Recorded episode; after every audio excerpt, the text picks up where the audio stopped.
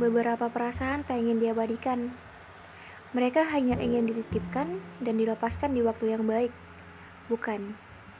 Bukan karena kata sementara itu menyenangkan. Hakikatnya, yang singkat tak akan pernah sepadan.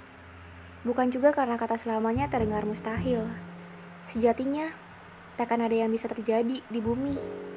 Kalau kau bertanya kenapa, sebenarnya aku juga tidak tahu. Aku butuh perasaan. Aku hanya berada di tubuh seorang perempuan yang tiap langkahnya berhadapan dengan perasaan. Dan sejujurnya, tak enak. Membosankan, mudah senang, mudah kecewa, mudah sedih, tapi juga mudah memaafkan. Kadang ingin sekali aku hidup di dalam pikirannya.